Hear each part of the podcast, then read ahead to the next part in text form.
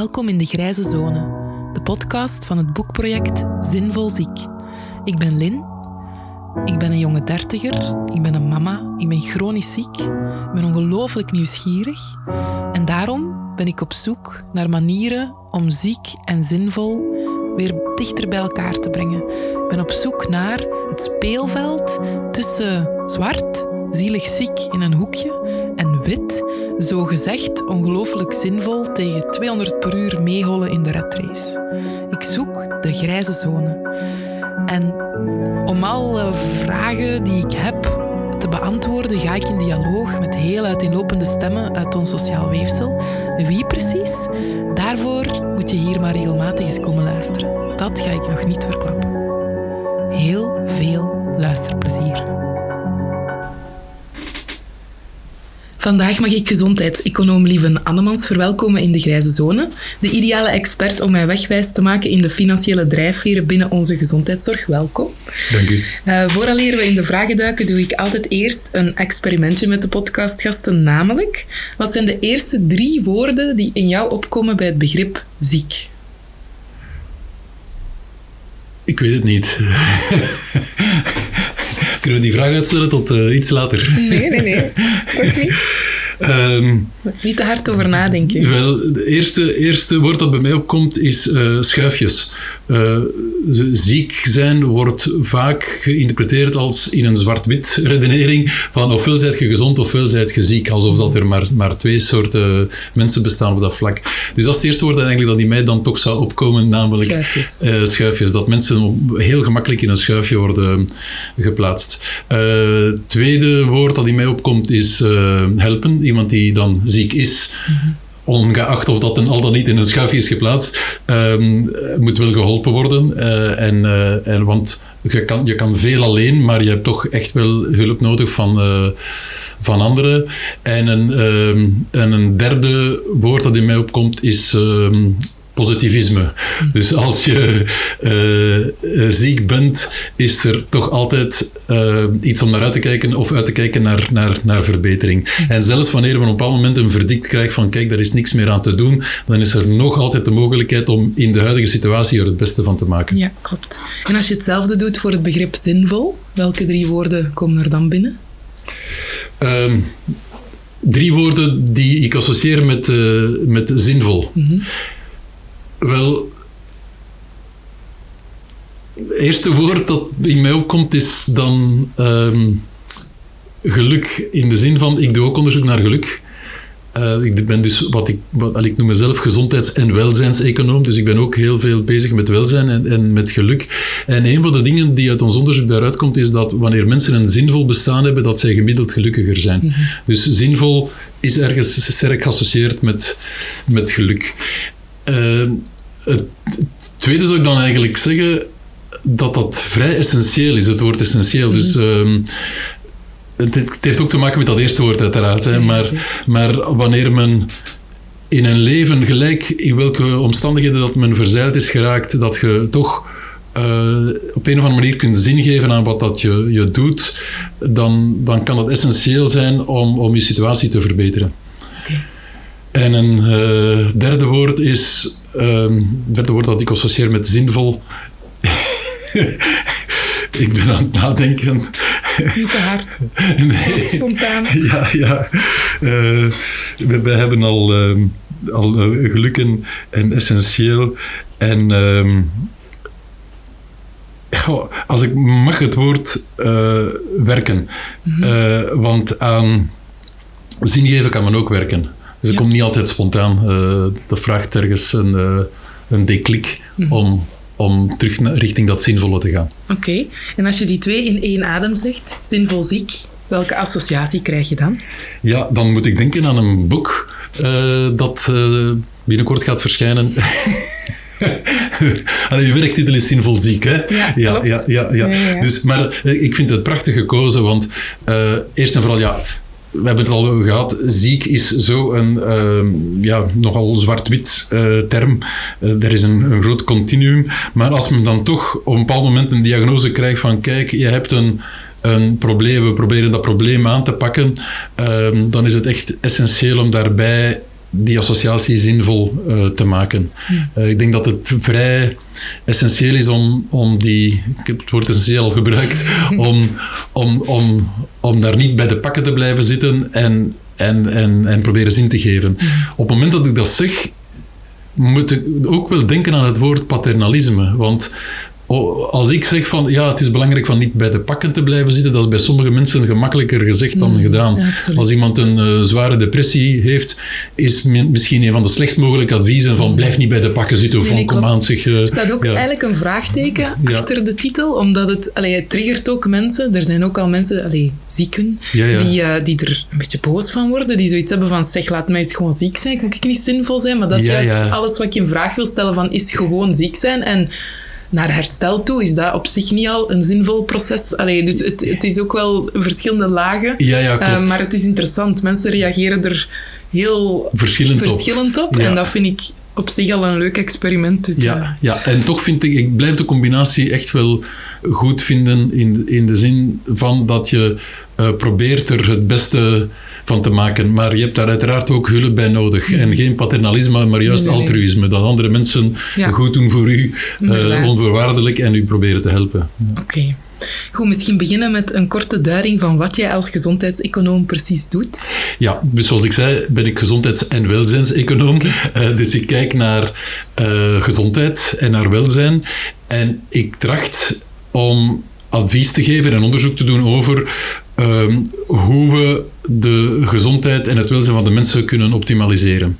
Um, als je kijkt naar gezondheid, we hebben in de meeste landen in Europa en buiten Europa een gezondheidszorg. En uh, we kunnen daar niet al het geld van de wereld aan geven aan gezondheid. Het is heel belangrijk gezondheid, maar we hebben daar niet al het geld van de wereld voor om daaraan te besteden. Dus met het beschikbare geld dat we hebben om aan gezondheid te besteden, moeten we trachten het best mogelijke te doen. En dat wil dan zeggen dat je als gezondheidseconoom analyses doet, bijvoorbeeld rond uh, kostenbaten van behandelingen. Er komt een nieuwe behandeling. Die behandeling kan de gezondheid van de mensen verbeteren, maar die behandeling heeft ook een prijs. Is die behandeling zijn prijs waard. Dat is bijvoorbeeld het soort van onderzoek dat we doen. Maar ook, uh, hoe zouden we best artsen en ziekenhuizen betalen om ervoor te zorgen dat ze met dat geld dat ze krijgen om aan de gezondheid van de mensen te werken, dat ze daarmee optimaal aan gezondheid van de mensen kunnen werken. Hm. Want je hebt sommige systemen, we kunnen daar straks nog op terugkomen, waar dan men juist het omgekeerde bereikt, waar dat degenen die niet zo goed werk leveren, eigenlijk meer verdienen. Mhm. Want uh, ze zien die mensen dan vaak terug, want de mensen zijn niet geholpen. En elke keer dat ze die mensen terugzien, krijgen ze opnieuw een inkomen. Dat is een voorbeeld van hoe mhm. dat het niet zo goed werkt. Dat zijn typische studieobjecten die wij hebben om proberen met het beschikbare geld dat we hebben om aan gezondheid te besteden, zoveel mogelijk te kunnen realiseren. En hetzelfde voor wel, welzijn, dat gaat nog verder. Hè. Of mensen zich algemeen goed in hun, in, hun, in hun vel voelen en tevreden zijn met hun leven, ook daar kan je verschillende dingen doen om dat te verbeteren, maar ook niet alles is even, ja, even doelmatig of even doeltreffend. En ook daar proberen wij adviezen te geven. Oké. En hoe zou jij het huidige beleid rond langdurig of chronisch zieken beschrijven? Uh, ik vind dat men zijn best doet. Dus de huidige beleidsmakers doen echt hun best. Ze weten dat er steeds meer mensen zijn met uh, chronische ziekten en ook steeds meer mensen met meer dan één chronische ziekte. En men weet dat in het klassieke model, dat uh, van decennia geleden dateert, dat dat klassieke model meer gebaseerd was op um, als mensen ziek worden, gaan we ze behandelen en gaan we ze terug gezond worden. Terwijl dat het ondertussen geëvolueerd is naar twee belangrijke dingen. Eerst en vooral, we moeten proberen mensen zo lang mogelijk gezond te houden. En ten tweede, wanneer ze dan toch ziek zijn, gaan we daar niet een eenmalige uh, aanpak voor nodig hebben. We gaan die mensen voor lange tijd moeten, moeten begeleiden. En de huidige beleidsmakers zien dat in. Dus dat is positief.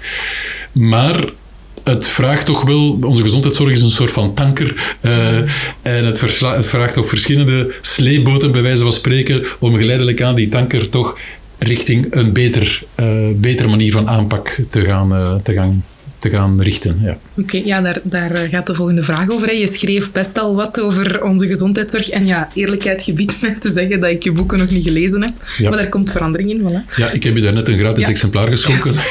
Niet dat dat moest, maar dank u wel. Ehm, maar kan je in grote lijnen kaderen waar het volgens jou dan ehm, beter of anders kan in de omgang met chronische ziekte? Ja. Um, waarom ik daarnet zei dat de beleid zijn best doet, is omdat men ziet dat men heel veel inspanningen doet om bijvoorbeeld uh, in, de, in de directe omgeving van patiënten de zorgverleners daar beter te laten samenwerken. Dus huisartsen werken vandaag al beter samen met uh, kinesisten, psychologen. Eerste lijnzones. Ja, oh, ja.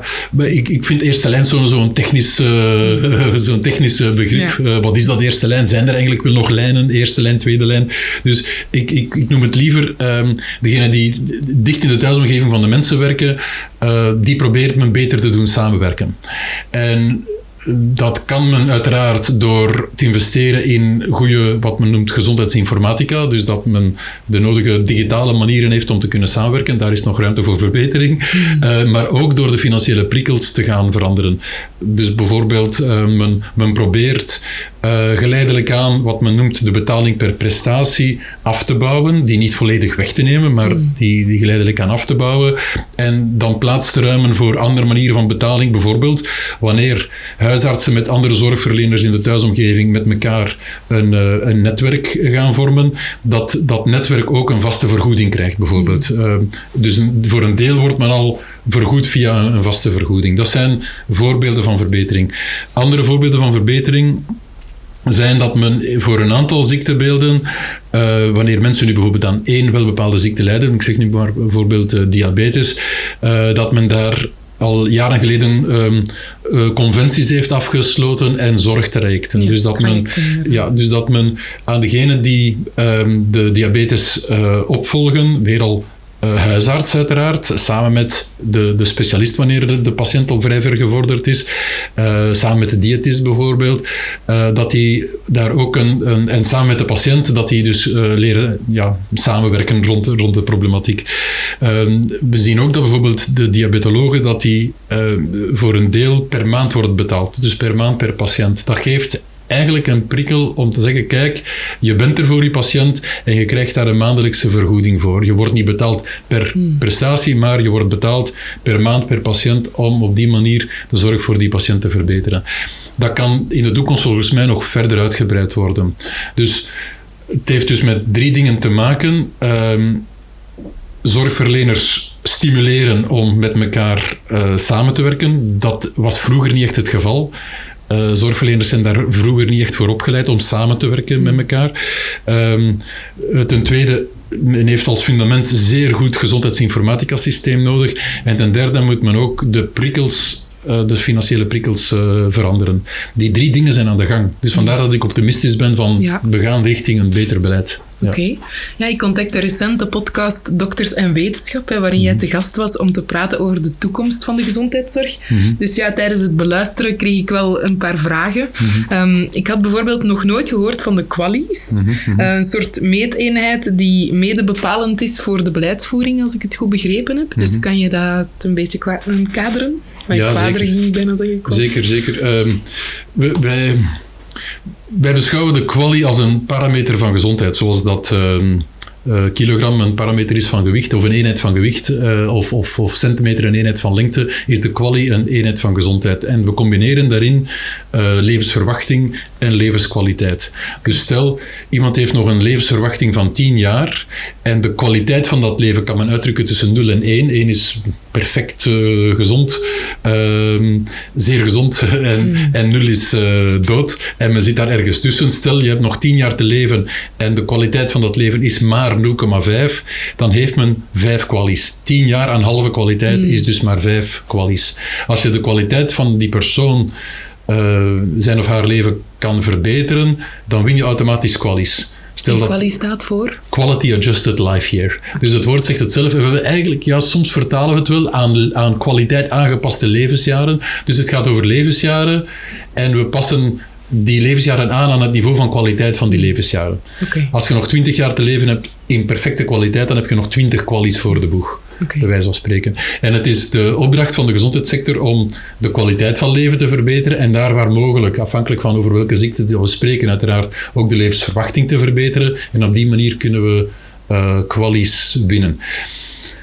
Het lijkt heel interessant qua concept en het, het laat ook toe om verschillende ziekten met elkaar te vergelijken. Het is een concept dat eigenlijk op gelijk welke ziekte toe te passen is. Dan kan men echt zien van, ah ja, met die behandeling daar kan men zoveel kwalies winnen en met die behandeling daar kan men maar zoveel kwalies winnen. Je kunt dus op die en manier... Wisselt de, wisselt de financiële waarde van de kwalie dan ook de hele tijd? Of hoe moet ik Wel, mij dat voorstellen? Dat is juist een punt van kritiek. De, de kwalies in het leven geroepen om appels met appels te kunnen vergelijken. Dus gelijk over welke ziekte dat we spreken, kunnen we het resultaat van wat we doen uitdrukken in kwalies. Maar dan zie je toch uh, de jongste jaren studies verschijnen die terecht aangeven dat als je een kwalie wint, hè, dus door betere kwaliteit van leven te, te genereren, door mensen hun leven te kunnen verlengen aan een degelijke kwaliteit van leven, als je die kwalie wint bij iemand die een zeer ernstig probleem heeft, of je wint een kwalie bij iemand die eigenlijk al niet te klagen heeft, die doet het al goed. En we gaan het nog een keer hmm. nog extra gaan verbeteren. Dat is niet echt hetzelfde. Een kwalie die men wint bij iemand die er die echt afziet en echt pijn heeft enzovoort, die is veel meer waard dan nog eens de gezondheid verbeteren van iemand die eigenlijk al niet te klagen heeft. Hmm. En dus we zien daar nu een, um, een evolutie waarbij dat we trachten de kwalies toch beter te interpreteren in functie van, ja, maar wat was de beginsituatie van die persoon met die chronische ziekte? Okay. Dus op dat vlak proberen we daar ook uh, verbetering in te brengen. Oké. Ja, je, reek, allez, je rekent dus letterlijk hè, met gezonde jaren. Dus dan ben ik wel nieuwsgierig wat dat jouw, jouw invulling van gezondheid is. Want ik heb begrepen dat je het met de perfecte staat van de WHO niet helemaal eens bent. Met die definitie. Ja, ik, ik, ik redeneer niet zo graag in termen van eens en oneens. Dat is zo zwart-wit, hè? Ja, Nee, dat is waar. Dat wil ik eigenlijk vermijden. Hè? We zijn in de grijze zone. Ja, ja, ja. Maar, maar ik, snap wel uw punt in de zin van... Wanneer de WHO ooit die definitie heeft gecreëerd... Ja, dat is decennia geleden... Was dat wel heel belangrijk om het toen op die manier... Ehm, te definiëren. Men, men, men, men sprak dus van een, een, een staat van uh, perfect fysiek, uh, psychisch en sociaal welzijn. Omdat men eigenlijk een signaal wil geven van hey, mannekes, gezondheid is echt wel belangrijk. Hè. We moeten daar echt naar streven van zoveel mogelijk mensen uh, zo gezond mogelijk te houden of, of, of te maken.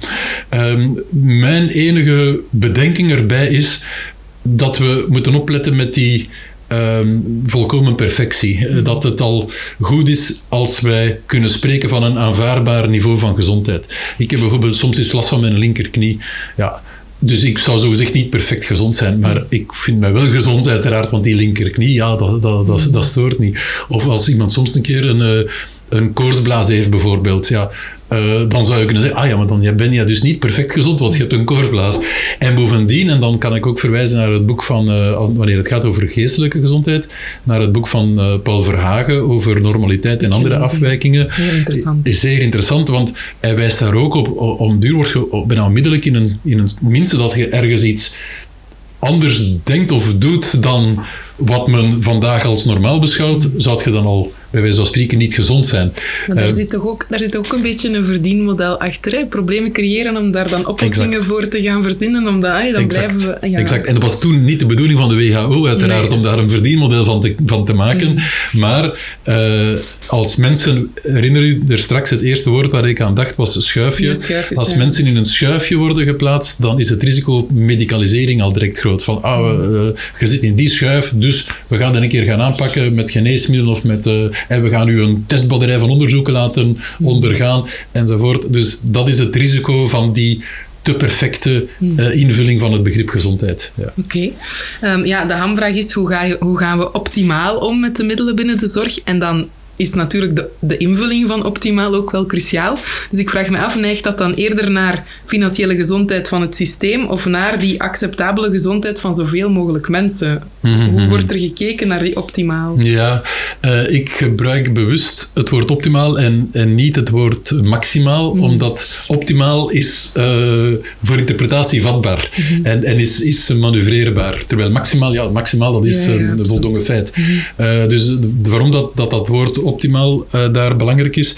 En uiteraard, is het de twee. Dus zoals ik, dus je zei, ja, maar gaat het dan over optimaal uh, ja, maar naar financiële waar situatie? Het over? Ja. Begrijp dat het de twee is, maar als, allee. Ah ja, wel, ik zeg altijd dat uh, gezondheidseconomie, uh, het eerste deel van het woord is gezondheid. En pas op het tweede niveau economie. Hmm. Dus ons doel is, en sorry, ik ga dat nogal economisch uitdrukken, ja, ja. ons doel is gezondheid produceren. Hmm. Dus we willen zoveel mogelijk mensen uh, gezond hebben. En wanneer ze ziek zijn, willen we dat hun kwaliteit van leven tijdens die periode van ziek zijn uh, zo, goed, zo goed mogelijk is. En als we dat, dat, die ziekte kunnen aanpakken, willen we uiteraard zo goed mogelijk die mensen proberen een kans te geven om terug gezond te worden. En eenmaal dat je niet meer gezond kunt worden, dan moeten we ervoor zorgen dat je de rest van je leven toch uh, zo goed mogelijk doorbrengt. Met zo goed mogelijke kwaliteit van leven. Dat is allemaal werken aan, aan gezondheid. En nog belangrijker ook, uh, proberen de maatschappij zodanig te organiseren dat we mensen langer gezond houden. Ook. Dus gezondheid komt op de eerste plaats. En dan zeggen we, maar jammer genoeg hebben we niet al het geld van de wereld om aan gezondheid te besteden. Dus moeten we eerst nadenken van hoeveel geld hebben we nodig. Uh, moeten we blijven investeren en elk jaar meer uitgeven aan gezondheidszorg?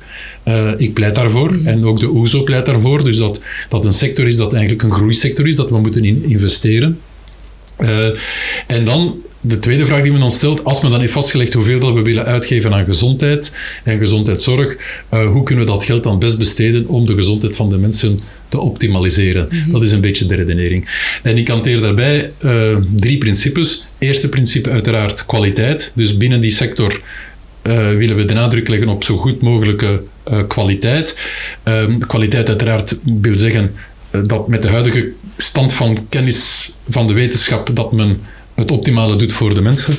Maar ook um, bij kwaliteit ook indachtig zijn kwaliteit van leven van de mensen, van de patiënten, ook kwaliteit van leven van de zorgverleners. Dat wordt vaak eens vergeten. Ja, maar als de zorgverlener zelf afziet en onder druk staat enzovoort, mm. dan is dat voor die persoon zelf uiteraard niet vast en ook voor zijn manier van werken en zijn kwaliteit die, die hij dan levert aan de patiënten.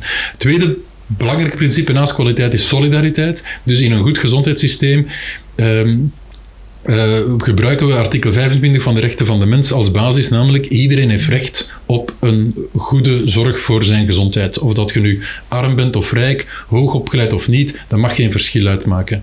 En het derde principe is dan wel, en daar heb je wel een punt, de duurzaamheid van het systeem. Dus als wij er willen over waken dat we binnen 10 en 20 jaar ook nog altijd goede kwaliteit kunnen bieden aan iedereen, ongeacht rang of stand bij wijze van spreken, dan moeten we vandaag wel overwaken dat we het geld in die sector niet verspillen. Dat we geen onnodige, onnodige onderzoeken doen, dat we niet te veel betalen voor geneesmiddelen enzovoort. Oké. Ja. En hoe kijk jij dan, um, allez, met dat alles in het achterhoofd, naar, naar de recente besparingsrondes? Uh, heb je het dan op het vlak van... Uh, welzijn voornamelijk. Van welzijn, ja. ja.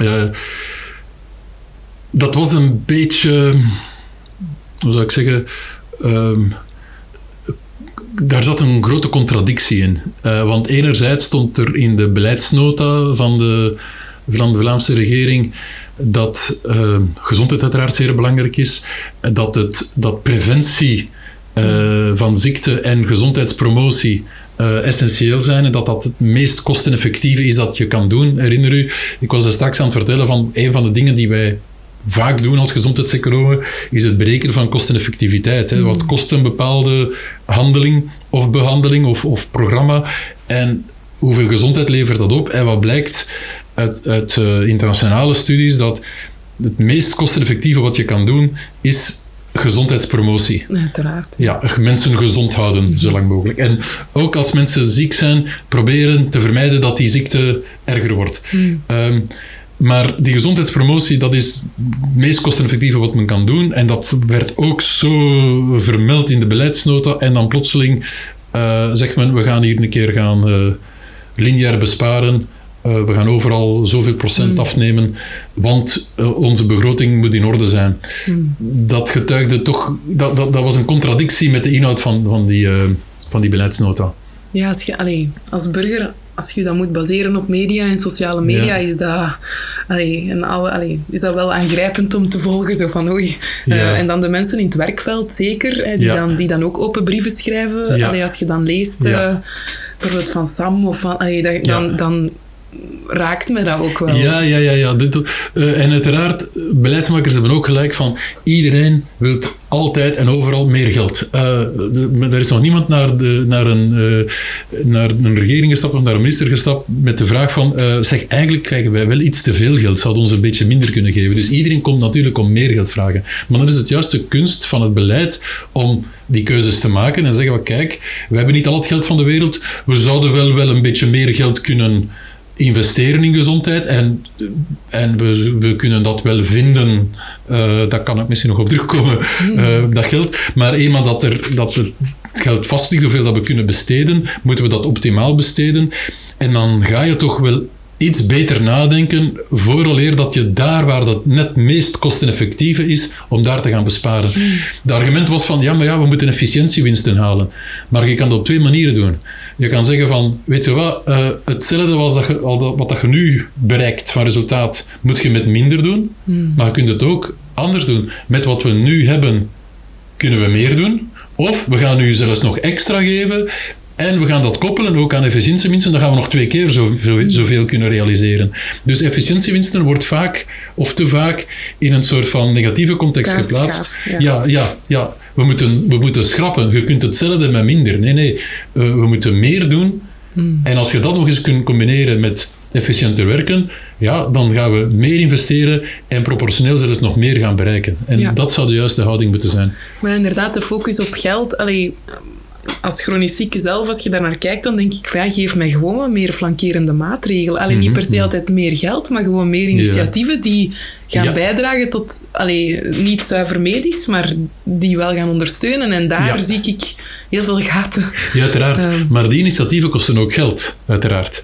Uh, want iemand moet dat doen, daar is expertise nodig. Daar kan bijvoorbeeld uh, betere psychologische ondersteuning zijn of betere... ontstaat toch ook veel vanuit de patiënt, waar, allee, vanuit ervaringsdeskundigheid. En daarvan wordt vanuit het beleid toch vooral gekeken naar, ah ja, maar dat is dan gratis, dat moet dan gratis zijn. Dus daar zit dan geen verdienmodel in. Ah, dus dan denk ik van... Geef een concreet voorbeeld. Bijvoorbeeld, ik heb um, de opleiding Patient Expert gevolgd ja. bij ReumaNet. Dus ik ben een patiënt-expert Reuma. Ja, um, ik word daarvoor ingeschakeld voor van alles en nog wat. Ik heb bijvoorbeeld bij al mijn farmabedrijf samengezeten die iets wouden ontwikkelen dat um, naast de zuivere medicatie, dat echt een, heel, een hele applicatie ook, waarbij je uh, ondersteund wordt in het onderhoud van je behandeling, maar veel breder uh, kleine doelen stellen, bewegen. Dus echt een soort van meerwaarde creëren. En ik ging dan mee in dialoog van, is dat zinnig? Ga ik dat met plezier gebruiken? Mm de manier waarop... Dus dat, dat soort dingen. En dan denk ik, met plezier gedaan. Maar ergens ook niet helemaal rechtvaardig dat ik daar dan geen centje van voor, voor krijg. Terwijl dat als een expert aan die tafel zit, krijgt hij dan wel de volle pot. Dus daar kunt u dan ook vragen in stellen van ja, maar dat is dan... Ja, ik heb op dat vlak ook met Reuma net samengewerkt om mm. na te gaan of dat het niet te verdedigen is dat het concept uh, expert-patiënt, of dat daar ook niet een veel betere vergoeding mag tegenover staan. Want inderdaad, weer al dezelfde logica, uh, daar zijn al studies die aangeven dat door het inschakelen van een expert-patiënt dat men veel betere resultaten boekt. Dus weer al heeft dat zijn waarde en moet dat ook gevaloriseerd worden. Dus dat is, dat is wel een goed voorbeeld. Um, maar waar ik eerder aan dacht was van... Um, naast, naast een, de kern van een, wat men denkt de kern van een behandeling te zijn, bijvoorbeeld een, een medicatie, is er nog veel meer mm. nodig van belendende maatregelen. En daar heeft men ook expertise nodig. Uh, dat kan psychologen zijn, dat kan voedingsadvies zijn, enzovoort.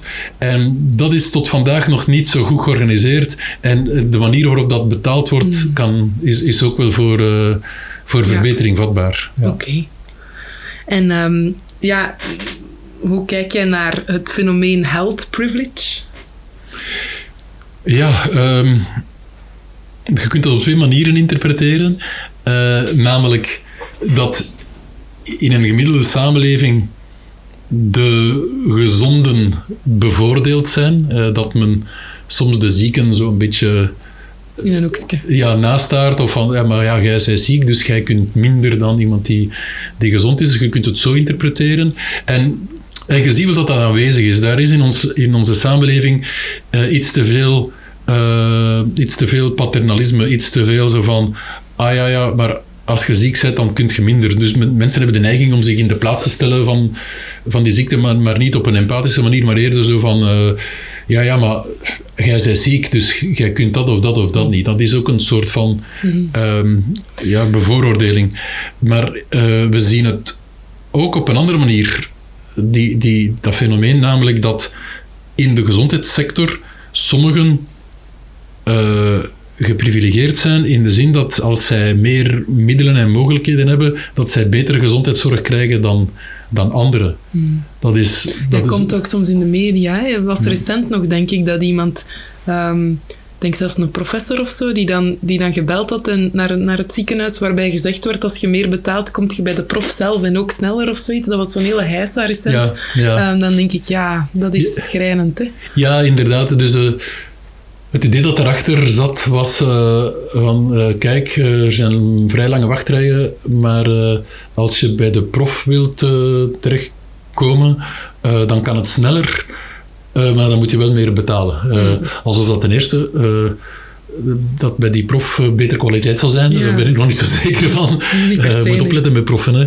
Uh, en en ten, ten, ten, tweede ja, is, is het een, typisch fenomeen waar dat men niet meer de basisvereisten van solidariteit respecteert. Namelijk mm. iedereen heeft recht op, op, op een goede gezondheidszorg en op een even snelle dienstverlening.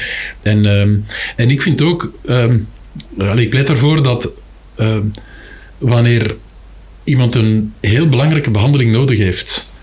Uh, dus men zegt tegen u van, kijk, uh, dat is het probleem, we hebben het goed kunnen in kaart brengen, maar we hebben een oplossing, we kunnen u deze behandeling aanbieden. Uh, dan moet de eigen bijdrage van de patiënt zo laag mogelijk zijn. Hmm. Eigen bijdrage noemen wij in het jargon het remgeld. Ja. Uh, het woord zegt het zelf, remgeld is ooit in het leven geroepen hmm. om te vermijden dat in het systeem van ziekteverzekering dat mensen gaan redeneren, oh, maar het is toch allemaal verzekerd, dus ik kan de deuren gaan platlopen en ik kan gelijk welk onderzoek krijgen, want het is toch verzekerd. Hmm. Dus het remgeld diende daar om de mensen af te remmen van onnodige zorg te gaan vragen en te gaan consumeren. Maar wanneer dat men iets echt nodig heeft, dat men zegt van dit is echt een heel goede, essentiële behandeling voor u en het remgeld is zoveel. Ja, waarom moet men iemand afremmen van een, ja, voilà, van een zinvolle behandeling te krijgen? Ja. Ja, dan denk ik dat ze soms beter remgeld bij de dokters zouden leggen, dat die wat minder veel onderzoeken doen. Nee? Want daar, wou ik nog, daar wou ik het nog over hebben. Hè. Je, hebt, uh, je hebt zelf, um, ik denk dat dat een, ja, een uitspraak van jou is, hè, dat geldverspilling in de zorg vooral levensverspilling, alleen verspilling van levens is. Ja, ja. Dus um, daar ben ik wel nieuwsgierig naar hoe jij daar naar kijkt. Wel, ja, wanneer het geld, dus zoals ik zei, we hebben niet al het geld van de wereld om aan gezondheidszorg te besteden. Wanneer dat, dat geld uitgegeven wordt aan dingen die niet zo relevant en zinvol zijn, hmm. dan is datzelfde geld niet meer beschikbaar om wel meer relevante en zinvolle dingen te doen. Vandaar dat je, nogal kort door de bocht uiteraard, zou kunnen zeggen, uh, waste of money is also waste of lives. Want met dat geld had men betere en lives, niet noodzakelijk iemand zijn leven redden, want uh, kwaliteit van leven verbeteren is ook give life to people. hè? Dus, um, dus dat, dat, was eigenlijk mijn redenering daar. En, en ik heb er al vijf jaar geleden, eh, of zes jaar geleden, heb ik een boek geschreven, De Prijs van Uw Gezondheid, heb ik al gepleit voor een andere manier van betalen van zorgverleners. Um, ik ben we zijn het een beetje tot inzicht gekomen door de studies die we de voorbije jaren gedaan hebben. En de beste manier is een soort van gemengde vorm van betaling. Dus niet helemaal betaling per prestatie, want bij een betaling per prestatie, het woord zegt het zelf, wordt de arts of de andere zorgverleners betaald voor elke prestatie die men doet. En sommigen komen dan in de verleiding, niet allemaal, maar sommigen komen in de verleiding om meer te gaan doen dan nodig. Als men plots van vandaag op morgen aan iedereen zou zeggen, weet je wat, we geven nu gewoon een vast salaris. En gelijk wat dat je doet, of dat je nu goed werkt of slecht werkt of veel werkt, je krijgt een vast salaris, is ook geen oplossing. Je gaat ten eerste veel demotivering krijgen. We, we zien dat in sommige landen waar men met vaste salarissen werkt, krijg je uh, demotivering. De enige... Um, het, was heel interessant, daar zijn studies over gebeurd. Uh, waarbij dat men gesalarieerde artsen en hun kwaliteit die ze leverden vergeleken met artsen die eerder per prestatie werden betaald.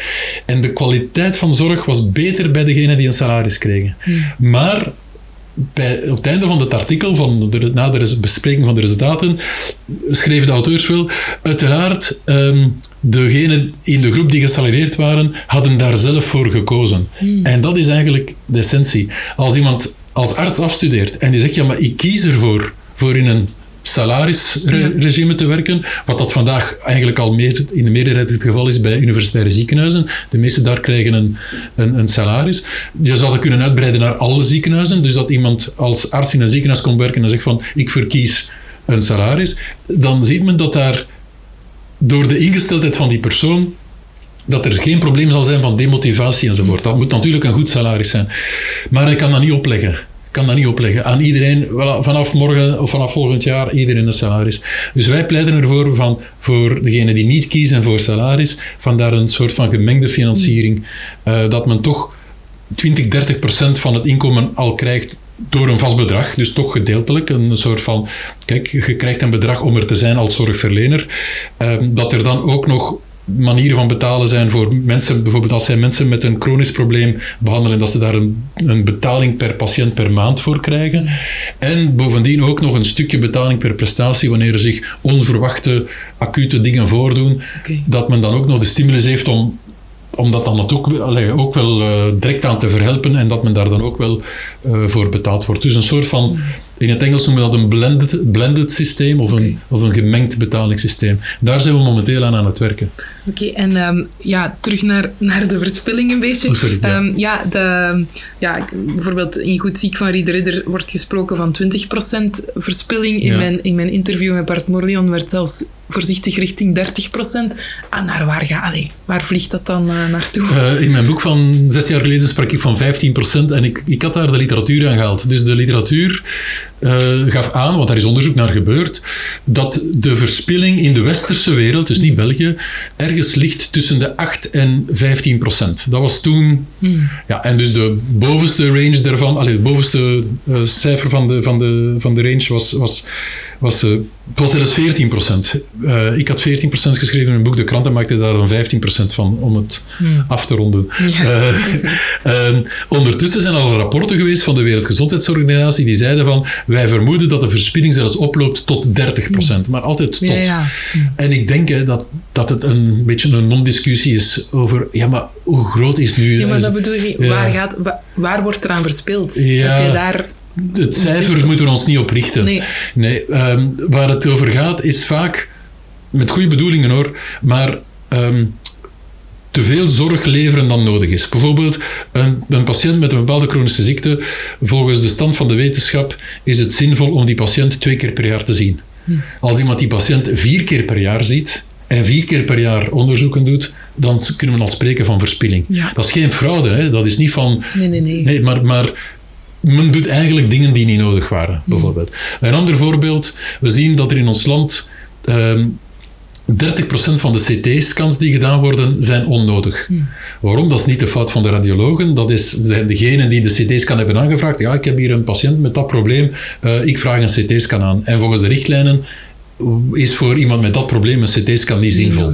Dus dat is weer al een voorbeeld van, van verspilling. En zo, um, sommige mensen, oude mensen die twaalf verschillende medicaties nemen, waarvan er sommige met, met elkaar interacties vertonen, waar, eh, of sommige, dat, sommige van die mensen zitten daar als, een, als een plant in, in een zetel. En als je daar een, een uh, remediering doet, uh, van dat medicatieschema, dan zie je dat je de helft van die medicatie kunt laten vallen. Dus er was sprake van verspilling. Dat bedoelen we dus met verspilling. Maar dat gaat heel, heel ja, ja. ver. En daarom dat het zo moeilijk is om, dat nu, om daar nu echt een cijfer te gaan opplakken van ja, het is zoveel miljard. Laten we ons daar niet mee bezighouden. Laat ons de verspilling vaststellen en, en er iets aan doen. En dan zullen we automatisch zien dat er, dat er geld vrijkomt om andere, meer nuttige dingen te doen.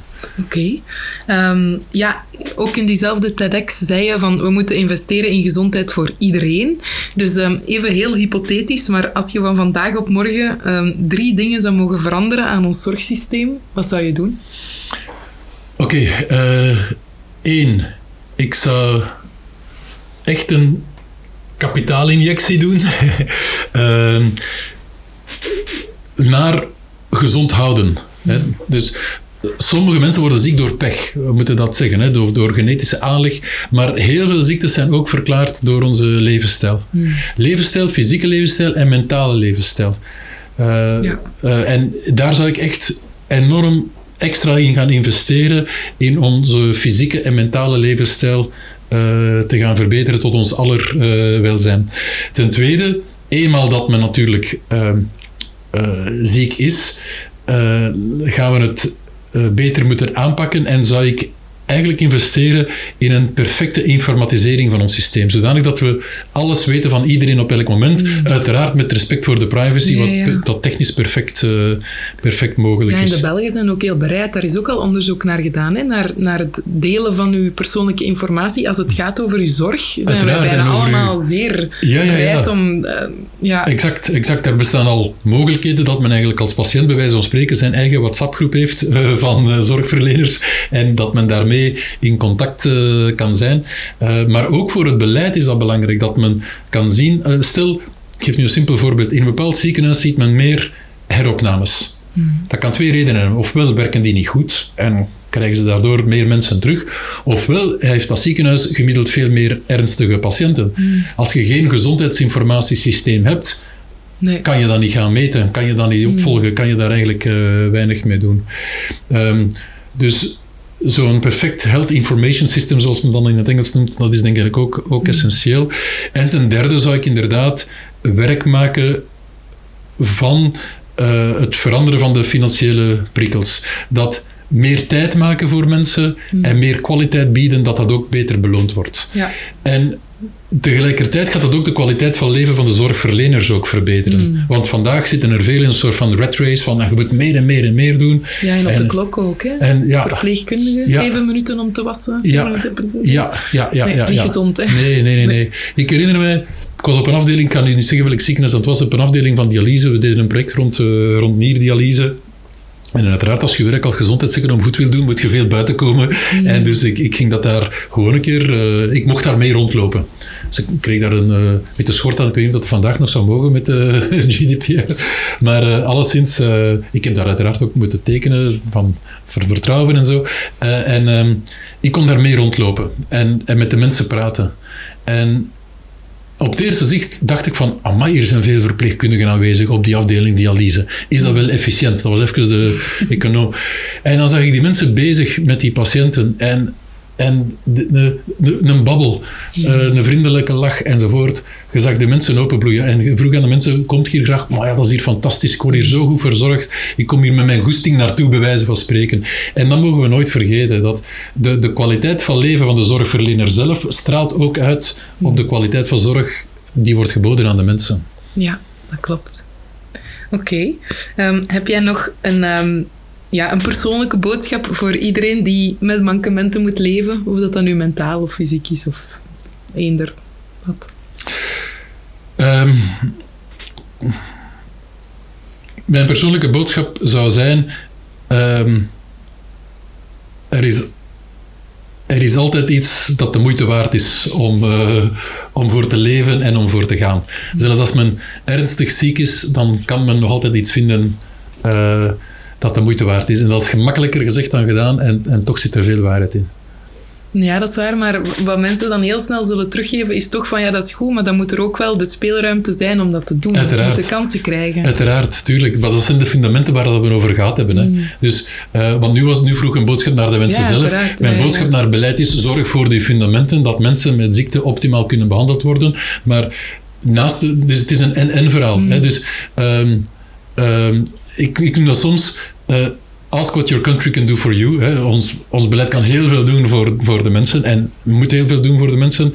Ask what you can do for your country. Dus als persoon, wat kan je doen voor anderen? Zeker als je voldoende gezond en kracht hebt om voor anderen te zorgen.